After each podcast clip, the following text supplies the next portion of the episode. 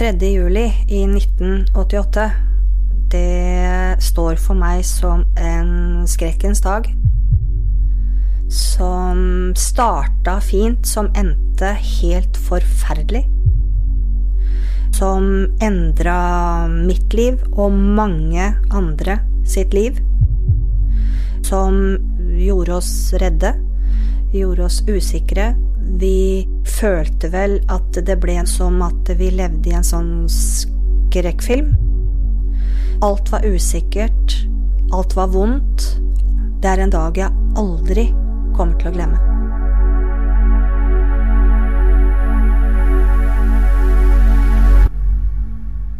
juli 1988 forsvinner ni år gamle Therese Johannessen fra drabantbyen Fjell i Drammen.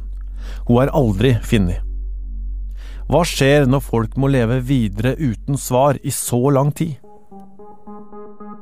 Jeg heter Tor Erling Tømt Ruud, og dette er sesong to av Uløst.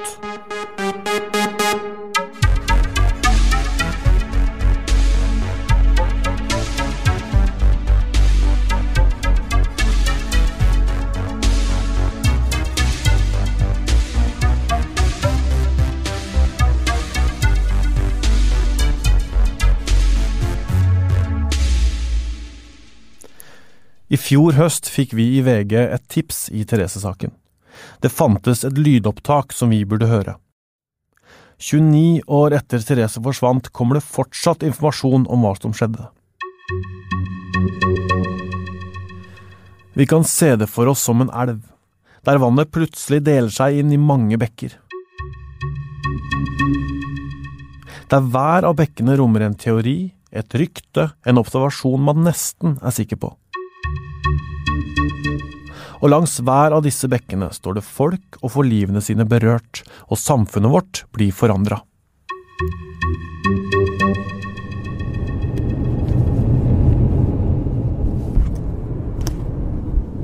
En, to, en, to, en, to. Sindre Leganger og jeg er på vei til Fjell i Drammen. Si noe du nå, Erling. Ja, da snakker jeg sånn som det her. Det er vel det sånn som jeg pleier å preke når jeg er i bilen. Ja. Vi er på vei for å se stedet der Therese forsvant i 1988. Skal sjekke VG-lista, hva som er populært i Ja, vi sjekka det jo. Da ser du a-ha, blant annet. I 88 ligger Belinda Carlisle, Madonna og a-ha på topplistene. Det er den, ja. Yep. Det er skyhøye renter demonstrasjoner i Oslo og regjeringa innfører lønnsstopp. Det er dette året det blir bestemt at Lillehammer får vinter-OL. Husker du noe fra 88? Jeg jeg, jeg veit ikke. Jeg husker at uh, Olof Palme ble skutt, men jeg husker ikke at Therese forsvant. Jeg er født i 79, samme året som Therese. For oss som vokste opp på 80-tallet, var livet ganske annerledes enn for unger i dag. På fritida hang vi på videosjappa, vi dreiv med ringestikka. Vi sykla uten hjelm og var ute timevis aleine uten at foreldra våre visste hvor vi var. Og det føltes liksom litt mer bekymringsløst enn det er i dag. Der ser vi Drammen her, ja. Jepp. Du kan ta av uh, her, men vi kjører rett over denne svære brua. Når du kjører motorveien fra Oslo, kommer Drammen fram på høyre side der Drammenselva møter fjorden. Byen strekker seg opp i åssidene på begge sider. På et platå rett framfor veien synes det ei høy pipe. Det er fyrsentralen, landemerket på Fjell. Men du kjører oppover et godt stykke, eh, oppover liksom mot skogen på en måte. Dette er Jorunn Larsen. Hun bodde i samme blokk som Therese og familien, på Fjell. Det ligger liksom oppå topp toppen av et fjell, på en måte, i, på Drammenssiden. Eh, hvor det da, når du kommer opp, så møter du først da en kjempestor høyblokk som vi kalte Stjerneblokka. Her ser vi blokkene starter, da. Ja. Rett ved siden av stjerneblokkene ligger flere blokker på rekke og rad. Første blokka bodde Inger Lise i. Therese bodde sammen med mora si Inger Lise og lillesøstera Elena da hun blei borte. Vi har tatt kontakt med dem, og Elena sier at familien har valgt å ikke gå ut i media nå, men ønsker oss lykke til med programmet. Vi var jo da en periode veldig, veldig mye sammen. Vi var jo nesten daglig sammen. Vi var jo veldig mye ute, jeg og Inger-Lise, når vi hadde liksom barna våre, da. Eh, så var vi veldig mye ute med barna våre. Og vi satt foran blokka og koste oss og prata mens ungene lekte og ja, hadde det veldig hyggelig sammen.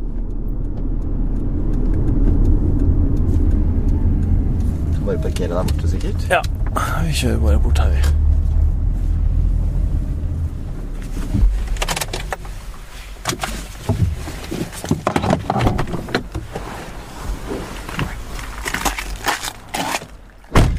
Ved blokka til Therese ligger en leikeplass med trær rundt. Det ser jo ut som et fint sted å vokse opp, da. Ja, det er jo fint her, da. I 1988 kryr det av barn her, med ulik bakgrunn fra mange land. Fjell var jo en sånn på en måte en liten drabantby med masse mennesker. Eh, en del sosialleiligheter der oppe, hvor det da var eh, ja, folk som hadde, hadde et vanskelig liv. Eh, en del enslige mødre bodde der oppe, og det var eh, veldig mange utenlandske da forholdsvis nye flyktninger da, som ikke hadde bodd i så veldig, veldig mange år. De fikk jo ofte en kommunal leilighet der oppe i en av blokkene. Vi flyttet til Norge i 86 fra Iran pga. krig. Og sommeren 86 flyttet vi i Stjerneblokka, som det het da. 15 på Fjell. Uh, I samme oppgang og etasje som besteforeldrene til Therese. Helia Shams var tre år eldre enn Therese. Therese besøkte besteforeldra sine ofte, og hun og Helia blei fort venner. Hun var ikke en vanskelig jente å komme i kontakt med, det var sikkert bare sånn Skal vi finne på noe, leke sammen? Og så var det, var det i gang. Var leken i gang. Rosa og lilla var favorittfargen hennes, husker jeg. Lett uh, å snakke med, lett å leke med, og veldig glad i å synge. Hun sang uh, Se min kjole om og om igjen, nynna i bakgrunnen, i lek, eller var hun som lærte meg teksten. Mm, og Se min kjole er, eh, er Therese sin sang, for meg.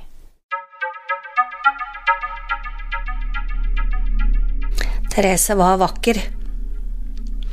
Eh, jeg vet ikke helt hvordan jeg skal si det, men jeg føler at det å si var er veldig feil for meg. For jeg sier hun er veldig vakker. Og den gang hun var liten, så var hun veldig vakker. Hun var eh, veldig slank, flott jente. Nydelig sort hår. Hockeysveis, sånn som det var inn på 80-tallet for alle. Litt kortere oventil og litt lengre bak. Den var hun veldig stolt av. Fikk endelig lov å klippe seg sånn. Veldig sånn at hun likte å pynte seg og ha på seg fine kjoler og skjørt og Det var sånn ordentlige jentejenter. Og eh, litt sjenert. Eh, helst ikke snakka med noen hun ikke kjente. Hun gjemte seg gjerne da bak mammaen sin hvis det var noe. Det var derfor kanskje litt som et sjokk når Therese ble borte. Det er en stor gåte, rett og slett.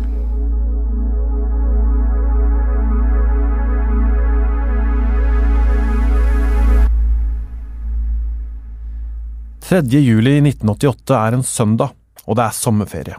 Det er sol og varmt, og rundt på Fjell løper barna mellom husa. De drar i videokiosken på det lokale senteret. De sykler en tur, de henger i trappene, de er overalt.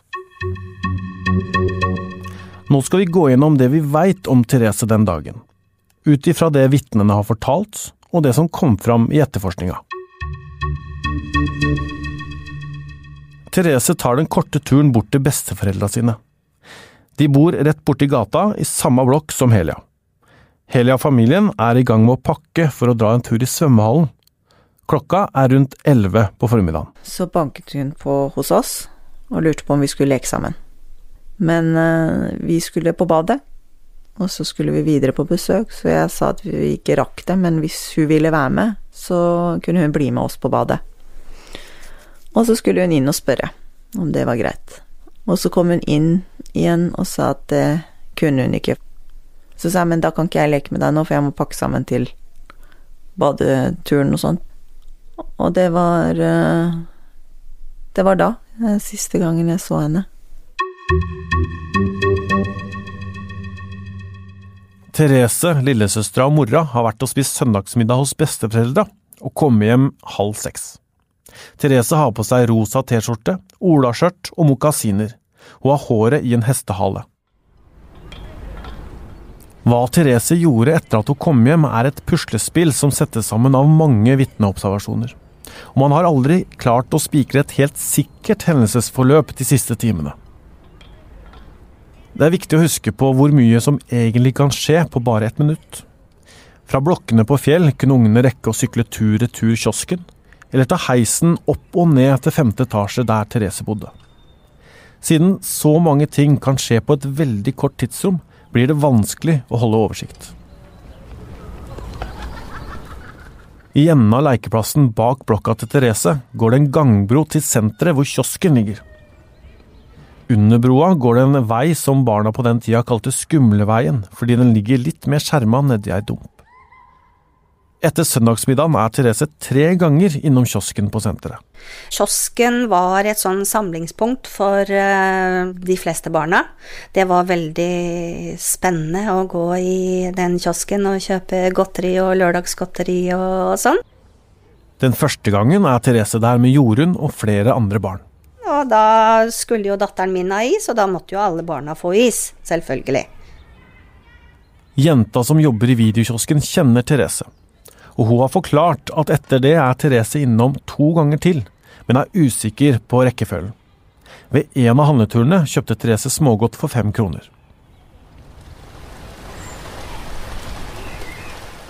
Klokka fem på halv åtte begynner det å styrtregne på Fjell.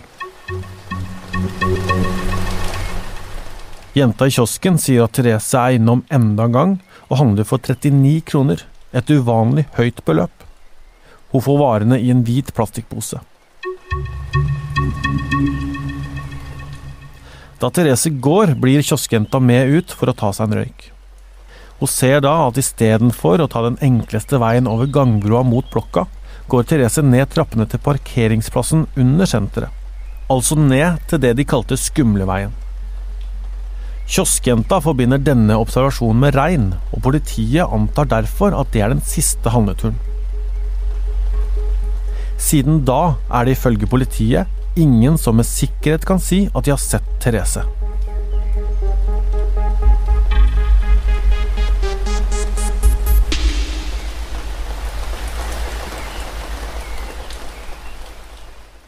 Jeg sitter sammen med mannen min og øh, prater. Seinere på kvelden er naboen Jorunn hjemme i leiligheta si i blokka. Og sitter og holder på å ta på neglelakk på fingrene mine, og plutselig ringer det på døra. Klokka ute på callingen.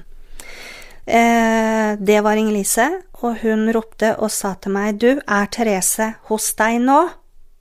Så sier jeg nei. Så prata vi sammen, så sier jeg kanskje hun har gått til noen av klassevenninnene sine, uten at hun da på en måte har sagt ifra, da. Men jeg syns jo også det var litt rart, fordi Therese var alltid veldig sånn ansvarsfull, så hun sa jo alltid fra hvor hun skulle gå. Men jeg tenkte, hun er barn, det går an å glemme. Så sier Inger-Lise til meg at uh, hun skulle gå litt rundt og kikke, uh, og så sier jeg til henne at fint om du uh, sier ifra og ringer på til meg når du har funnet henne. Ja, sier hun, det skal jeg gjøre. Så hadde det gått en stund, og hun ringer på igjen. Og da var hun veldig redd. På stemmen var hun veldig hysterisk, livredd og gråt, og var helt fortvila. Eh, og sa til meg hun, jeg finner ikke Therese. Jeg vet ikke hvor jeg er. Jeg har vært hos alle venninnene hennes nå og spurt om hun er der. Eh, ingen har sett henne. Og jeg har vært overalt, jeg har ropt og sånn, og jeg finner henne ikke. Og så sier jeg til henne at jeg kommer ned. Og så går jeg ned, og Inger-Lise var jo hysterisk og sa jeg vet ikke hva som har skjedd, jeg har lett overalt, jeg finner henne ikke, tenk om noen har tatt henne, eh, og var utrolig redd. Og så sier jeg det at eh, hun er jo såpass liten at eh, jeg syns vi skal ringe til politiet med en gang. Klokka var jeg er litt usikker, men sånn rundt ti-halv elleve på kvelden. I 1988 jobba John Ottersen i politiet i Drammen. Så ringte en av sjefene til meg og sa at eh, jeg må komme på jobb og møte på, på Fjell. Fordi det var ei lita jente som var forsvunnet og meldt savnet. Og så reiste jeg bort dit, så jeg var en av de første. Noe av det politiet starter med, er å tilkalle hjelpemannskaper fra Røde Kors og Sivilforsvaret for å leite. Så begynner de å spørre folk om hva de har sett, og hva de veit. Vi starta jo med blokka der hvor Therese bodde. Det jo, var jo ofte sånn at eh, de, barn også kan rotet seg bort, komme seg innenfor ei dør som går i lås og sånt. Litt sånne kjellerlemmer ned i sånne ja, var kanskje noe kloakkanlegg eller hva det er, som også ble undersøkt av Røde Kors. Og så var det å sette i gang den nærmeste mm, kontakten med familien for å få tak på bevegelse, altså mønster. Eh, nærmeste venninner, venner, bekjente av Therese. Sånn at vi kunne få litt kartlagt hvordan det så ut, og ikke minst når var hun sist sett, og hvor. Vi begynte jo å lete en del på kvelden, samme kvelden. Eh, det jo, hadde jo vært kjempedårlig vær, og vi gikk da i gummistøvler og rundt hele fjell, overalt. Vi sømfarte alle kriker og kroker og alle kratt, og mm, gikk ned i kratt og ropte og ja, var overalt på de stedene som på en måte var kanskje litt vanskelig å se, at det var litt høyt kratt, ja, så gikk vi innimellom der, dro ved krattet og kikka og sånne ting. For, eh, for da i håp om at vi skulle finne henne. Så, men det Hun var jo ingen steder. Og det var jo veldig mange mennesker som var rundt omkring og, og lette, men det var jo da Alle måtte jo da komme tilbake igjen og si at nei, det var ingen Therese der. Dagen etter våkner Helia Shams uten å vite noe om hva som har skjedd med venninna kvelden før. Jeg sov lenge da i og med at det var sommerferie og sånn. Så ringte en av de nabojentene på og spurte har dere hørt hva som har skjedd. Nei, sa jeg, hva har skjedd? Therese er borte. Og jeg da hadde jeg akkurat våkna, så jeg fikk liksom ikke halvparten av med meg hva som har skjedd. Therese er borte. Ja, ok. Og så sa jeg å ja, vi så noen politibiler. Ja, det var derfor. Og så fortalte hun litt av det hun visste. Og så husker jeg bare lukka igjen døra, gikk inn til mamma og fortalte at Therese er borte. Og hun fikk en skikkelig reaksjon, tror jeg. Herregud, er det sant? Eh, men vi så jo henne i går. Og det er det jeg husker av den dagen.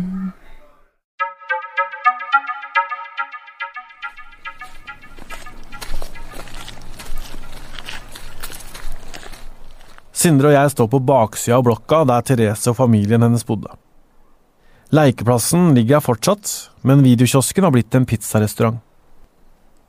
Skumleveien virker ikke spesielt skummel, men den forsvinner ned i dumpa, ute av syne fra den høye blokka. Det er 1, 2, 3, 4, 5, 6, 7, 8, 9. 1, 2, 3, 4, 5, 6, 7, 8. 72. 72 verandaer. Og en haug med vinduer. Det er jo flere hundre vinduer som bare peker ut mot, eh, mot gangbrua og den kiosken.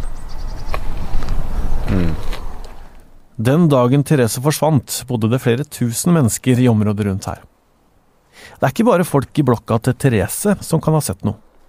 Rett over gata, ved siden av den høye pipa til fyrsentralen, ligger en like høy blokk med sikkert like mange vinduer. Hvordan er det mulig at ingen så at hun ble borte? Ja, Hvis hun ble borte her, da, i det området her, så er det utrolig nesten at ingen har sett det. Mm.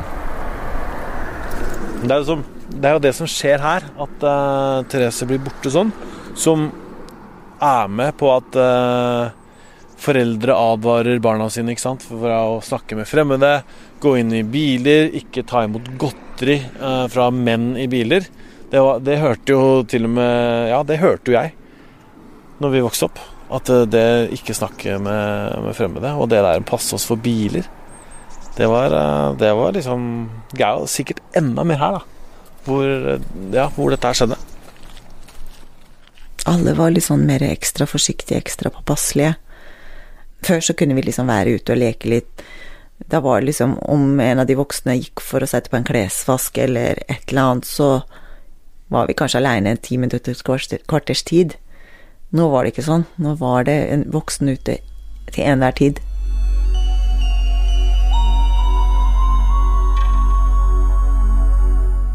Det har jo vært veldig mye tanker om hva om jeg kunne overtale henne. Hva om jeg hadde bare vært mer påståelig og hun kunne blitt med på badet. Men jeg ga meg så lett på det. Så det har vært veldig mye tanker hva om jeg hadde gjort det ene og det andre, men jeg vet jo også i ettertid at jeg kunne ikke gjort ting annerledes. Det var ikke meg det sto på.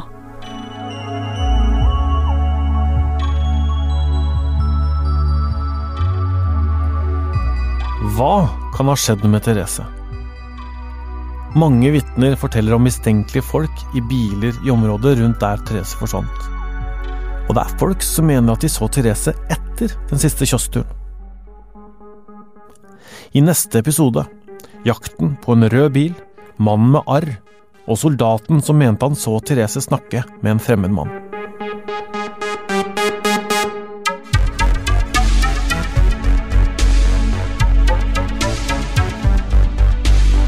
Uløst lages av VG og Rubicon. Vi som er med, heter Kristine Hellesland, Sindre Leganger, Katinka Rondan, Anniken Vatne, Nikoline Mevasvik Haugen og jeg, Tor Erling Tømterud. Hans Kristen Hyrve har laga musikken. Vi har en side på vg.no hvor du kan lese mer, se bilder og snakke med oss. Håper å høre fra deg der.